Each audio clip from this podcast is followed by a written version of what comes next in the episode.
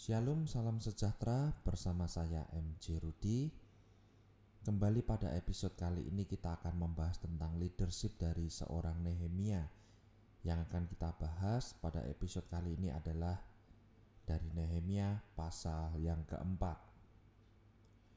Leadership Nehemia pada pasal yang keempat akan saya coba bagi dalam beberapa lesson atau pembelajaran Nah, pada episode kali ini kita akan mulai pada lesson yang pertama.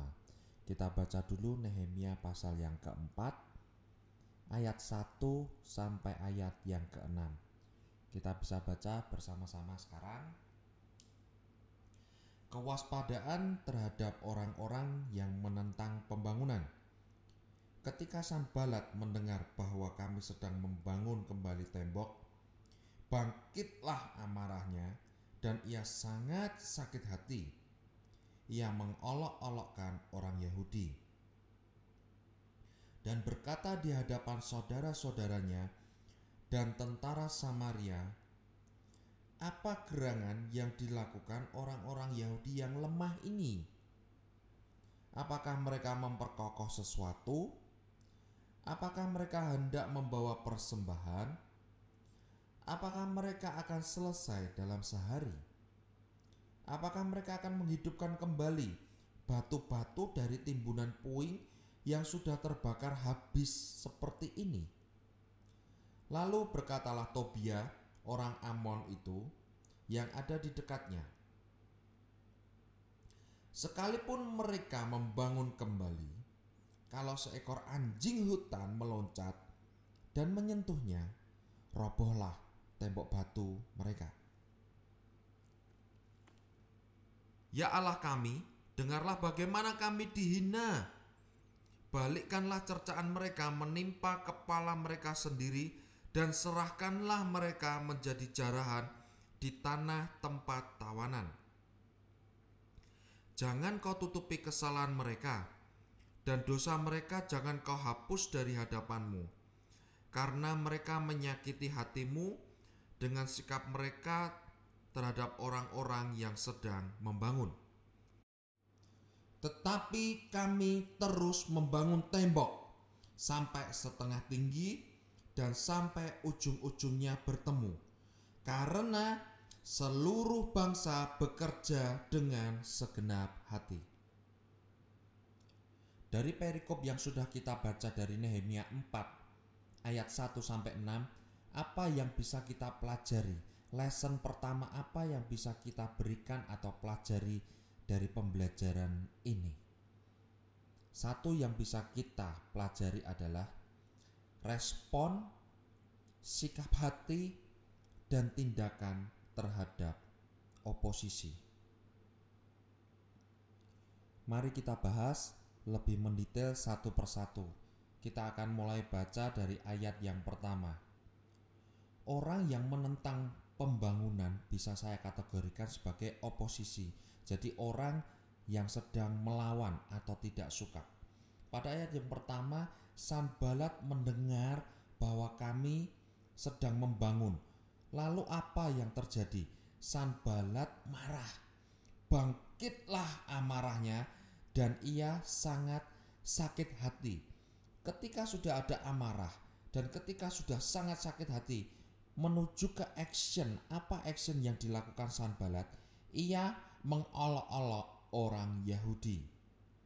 Pada ayat yang kedua jelas dikatakan, Sanbalat mulai menghasut dan berkata di hadapan saudara-saudaranya tentang Samaria. Apa gerangan yang dilakukan orang-orang Yahudi yang lemah ini? Sangat jelas Sanbalat ingin menghancurkan yang namanya identitas. Dikatakan apa gerangan yang dilakukan orang-orang Yahudi yang lemah ini. Jadi Sanbalat mengibaratkan kaum Yahudi itu kaum yang lemah. Apa sih yang mau diharapkan dari orang-orang yang lemah ini? Apa sih yang mau dibangun? Sanbalat berusaha menghancurkan yang namanya pengharapan. Apakah mereka memperkokoh sesuatu? Karena sudah jelas tembok dan gerbang hancur. Ya. Apakah mereka hendak membawa persembahan? Apakah mereka akan selesai dalam sehari? Seperti hal sepertinya hal itu sia-sia. Karena apa? Sanbalat seperti ingin berkata, apa bisa selesai kamu dalam sehari? Ini butuh waktu berhari-hari, bahkan mungkin berbulan-bulan, bahkan mungkin bisa dikatakan bertahun-tahun. Dan apakah mereka akan menghidupkan kembali batu-batu dari timbunan puing yang sudah terbakar habis seperti ini? Seolah-olah Sanbalat ingin menyampaikan pesan, apa yang kamu lakukan itu sia-sia. Nah, di ayat yang ketiga muncullah yang namanya Tobia. Ingat, orang yang sejenis akan menarik orang yang sejenis juga.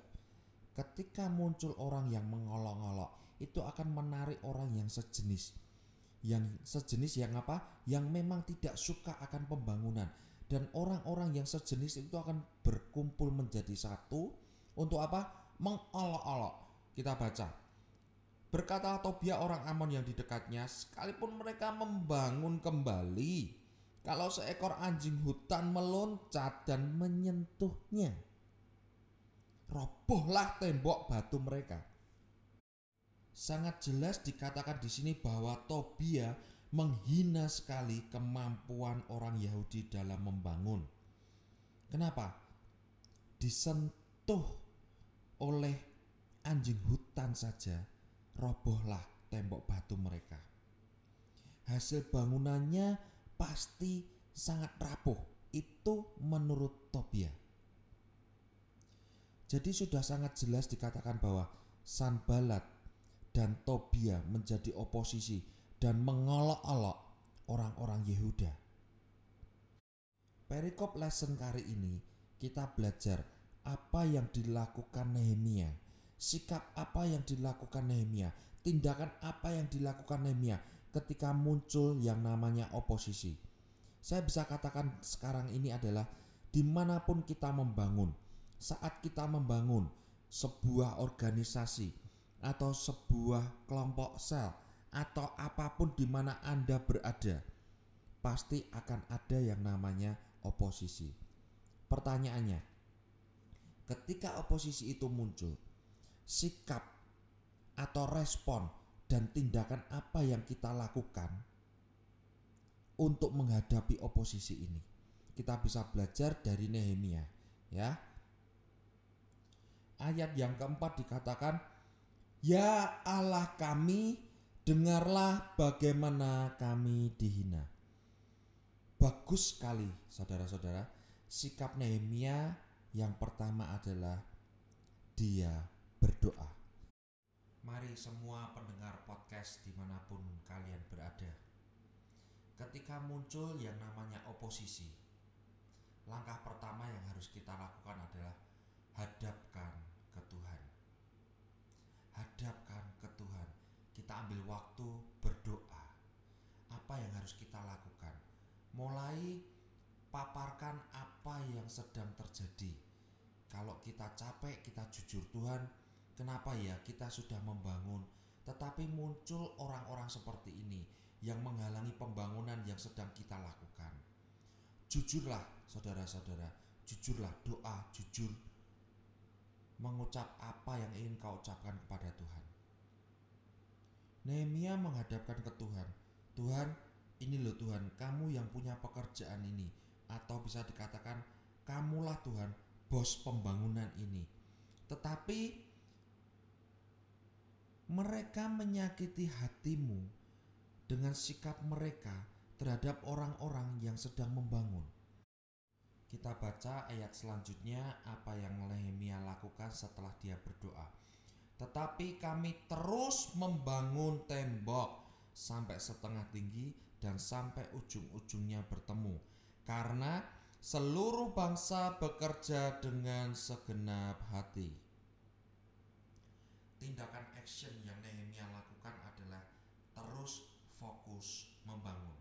Karena apa? Karena seluruh bangsa bekerja dengan segenap hati. Sampai yang terjadi apa? Sampai ujung-ujungnya itu bertemu. antusias itu menular saudara-saudara.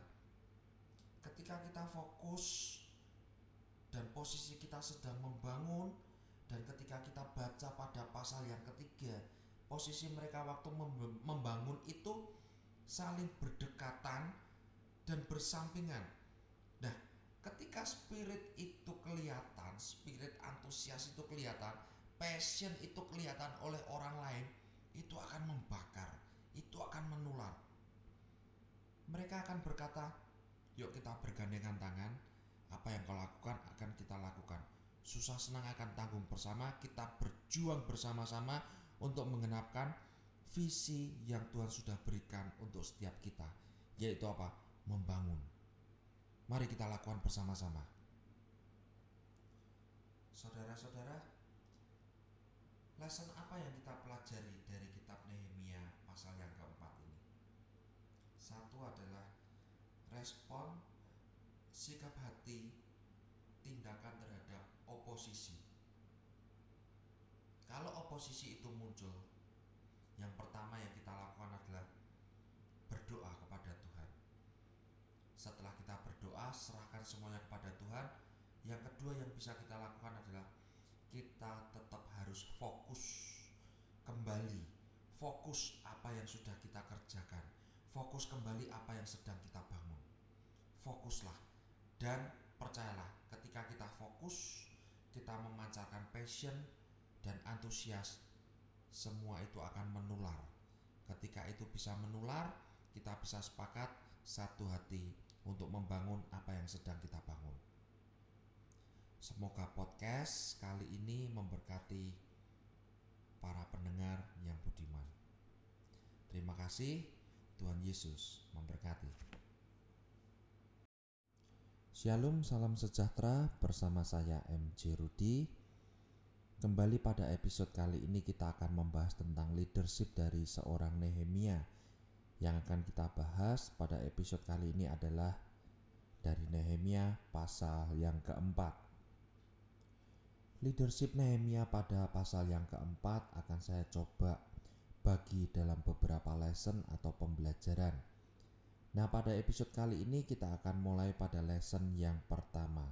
Kita baca dulu Nehemia pasal yang keempat, ayat 1 sampai ayat yang keenam.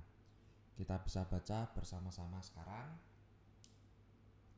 Kewaspadaan terhadap orang-orang yang menentang pembangunan.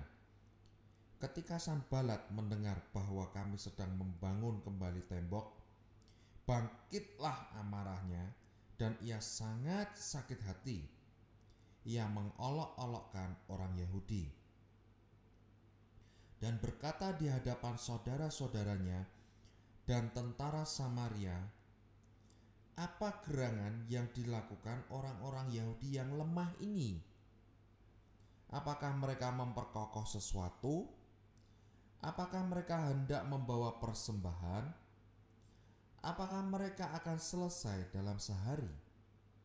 Apakah mereka akan menghidupkan kembali batu-batu dari timbunan puing yang sudah terbakar habis seperti ini? Lalu berkatalah Tobia, orang Amon itu, yang ada di dekatnya. Sekalipun mereka membangun kembali, kalau seekor anjing hutan meloncat dan menyentuhnya, robohlah tembok batu mereka. Ya Allah kami, dengarlah bagaimana kami dihina. Balikkanlah cercaan mereka menimpa kepala mereka sendiri dan serahkanlah mereka menjadi jarahan di tanah tempat tawanan. Jangan kau tutupi kesalahan mereka, dan dosa mereka jangan kau hapus dari hadapanmu, karena mereka menyakiti hatimu dengan sikap mereka terhadap orang-orang yang sedang membangun. Tetapi kami terus membangun tembok sampai setengah tinggi dan sampai ujung-ujungnya bertemu, karena seluruh bangsa bekerja dengan segenap hati. Dari perikop yang sudah kita baca dari Nehemia 4 ayat 1 sampai 6 apa yang bisa kita pelajari, lesson pertama apa yang bisa kita berikan atau pelajari dari pembelajaran ini? Satu yang bisa kita pelajari adalah respon, sikap hati, dan tindakan terhadap oposisi. Mari kita bahas lebih mendetail satu persatu. Kita akan mulai baca dari ayat yang pertama. Orang yang menentang pembangunan bisa saya kategorikan sebagai oposisi. Jadi orang yang sedang melawan atau tidak suka. Pada ayat yang pertama, Sanbalat mendengar bahwa kami sedang membangun. Lalu apa yang terjadi? Sanbalat marah. Bangkitlah amarahnya dan ia sangat sakit hati. Ketika sudah ada amarah dan ketika sudah sangat sakit hati, menuju ke action, apa action yang dilakukan Sanbalat? Ia mengolok-olok orang Yahudi. Pada ayat yang kedua jelas dikatakan, Sanbalat mulai menghasut dan berkata di hadapan saudara-saudaranya tentang Samaria apa gerangan yang dilakukan orang-orang Yahudi yang lemah ini? Sangat jelas Sanbalat ingin menghancurkan yang namanya identitas. Dikatakan apa gerangan yang dilakukan orang-orang Yahudi yang lemah ini. Jadi Sanbalat mengibaratkan kaum Yahudi itu kaum yang lemah. Apa sih yang mau diharapkan dari orang-orang yang lemah ini? apa sih yang mau dibangun? Sanbalat berusaha menghancurkan yang namanya pengharapan. Apakah mereka memperkokoh sesuatu? Karena sudah jelas tembok dan gerbang hancur. Ya. Apakah mereka hendak membawa persembahan? Apakah mereka akan selesai dalam sehari? Seperti hal sepertinya hal itu sia-sia. Karena apa? Sanbalat seperti ingin berkata, apa bisa selesai kamu dalam sehari? Ini butuh waktu berhari-hari, bahkan mungkin berbulan-bulan, bahkan mungkin bisa dikatakan bertahun-tahun. Dan apakah mereka akan menghidupkan kembali batu-batu dari timbunan puing yang sudah terbakar habis seperti ini? Seolah-olah Sanbalat ingin menyampaikan pesan, apa yang kamu lakukan itu sia-sia. Nah, di ayat yang ketiga muncullah yang namanya Tobia. Ingat, orang yang sejenis akan menarik orang yang sejenis juga. Ketika muncul orang yang mengolok-olok, itu akan menarik orang yang sejenis. Yang sejenis yang apa? Yang memang tidak suka akan pembangunan dan orang-orang yang sejenis itu akan berkumpul menjadi satu untuk apa? Mengolok-olok. Kita baca Berkata Tobia orang Amon yang di dekatnya, sekalipun mereka membangun kembali, kalau seekor anjing hutan meloncat dan menyentuhnya, robohlah tembok batu mereka. Sangat jelas dikatakan di sini bahwa Tobia menghina sekali kemampuan orang Yahudi dalam membangun. Kenapa? Disentuh oleh anjing hutan saja robohlah tembok batu mereka. Hasil bangunannya pasti sangat rapuh. Itu menurut Tobia. Jadi sudah sangat jelas dikatakan bahwa Sanbalat dan Tobia menjadi oposisi dan mengolok-olok orang-orang Yehuda. Perikop lesson kali ini kita belajar apa yang dilakukan Nehemia sikap apa yang dilakukan Nehemia, tindakan apa yang dilakukan Nehemia ketika muncul yang namanya oposisi. Saya bisa katakan sekarang ini adalah di mana pun kita membangun, saat kita membangun sebuah organisasi atau sebuah kelompok sel atau apa pun di mana Anda berada, pasti akan ada yang namanya oposisi. Pertanyaannya, ketika oposisi itu muncul, sikap atau respon dan tindakan apa yang kita lakukan untuk menghadapi oposisi ini. Kita bisa belajar dari Nehemia, ya. Ayat yang keempat dikatakan Ya Allah kami, dengarlah bagaimana kami dihina. Bagus sekali, saudara-saudara. Sikap Nehemia yang pertama adalah dia berdoa. Mari semua pendengar podcast di mana pun kalian berada. Ketika muncul yang namanya oposisi, langkah pertama yang harus kita lakukan adalah hadapkan ke Tuhan. Hadapkan ke Tuhan. Kita ambil waktu berdoa. Apa yang harus kita lakukan? Mulai paparkan apa yang sedang terjadi. Kalau kita capek, kita jujur Tuhan, kenapa ya kita sudah membangun, tetapi muncul orang-orang seperti ini yang menghalangi pembangunan yang sedang kita lakukan. Jujurlah, saudara-saudara, jujurlah doa, jujur mengucap apa yang ingin kau ucapkan kepada Tuhan. Nehemia menghadapkan ke Tuhan. Tuhan, ini loh Tuhan, kamu yang punya pekerjaan ini atau bisa dikatakan kamulah Tuhan bos pembangunan ini. Tetapi mereka menyakiti hatimu dengan sikap mereka terhadap orang-orang yang sedang membangun. Kita baca ayat selanjutnya apa yang Nehemia lakukan setelah dia berdoa. Tetapi kami terus membangun tembok sampai setengah tinggi dan sampai ujung-ujungnya bertemu karena seluruh bangsa bekerja dengan segenap hati. Tindakan action yang Nehemia lakukan adalah terus fokus membangun. Karena apa? Karena seluruh bangsa bekerja dengan segenap hati. Sampai yang terjadi apa? Sampai ujung-ujungnya itu bertemu.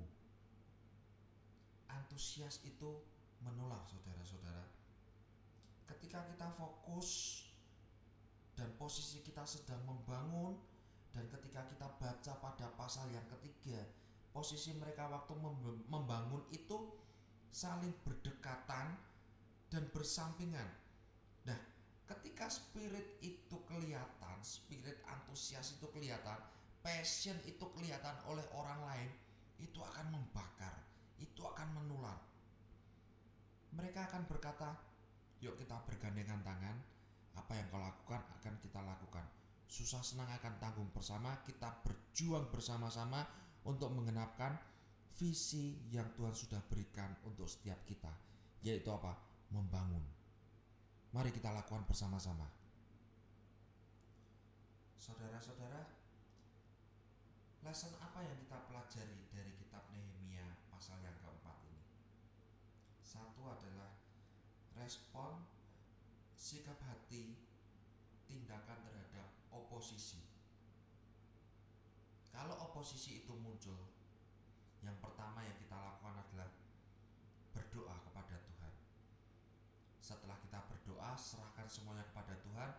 Yang kedua yang bisa kita lakukan adalah kita tetap harus fokus kembali, fokus apa yang sudah kita kerjakan, fokus kembali apa yang sedang kita bangun fokuslah dan percayalah ketika kita fokus kita memancarkan passion dan antusias semua itu akan menular.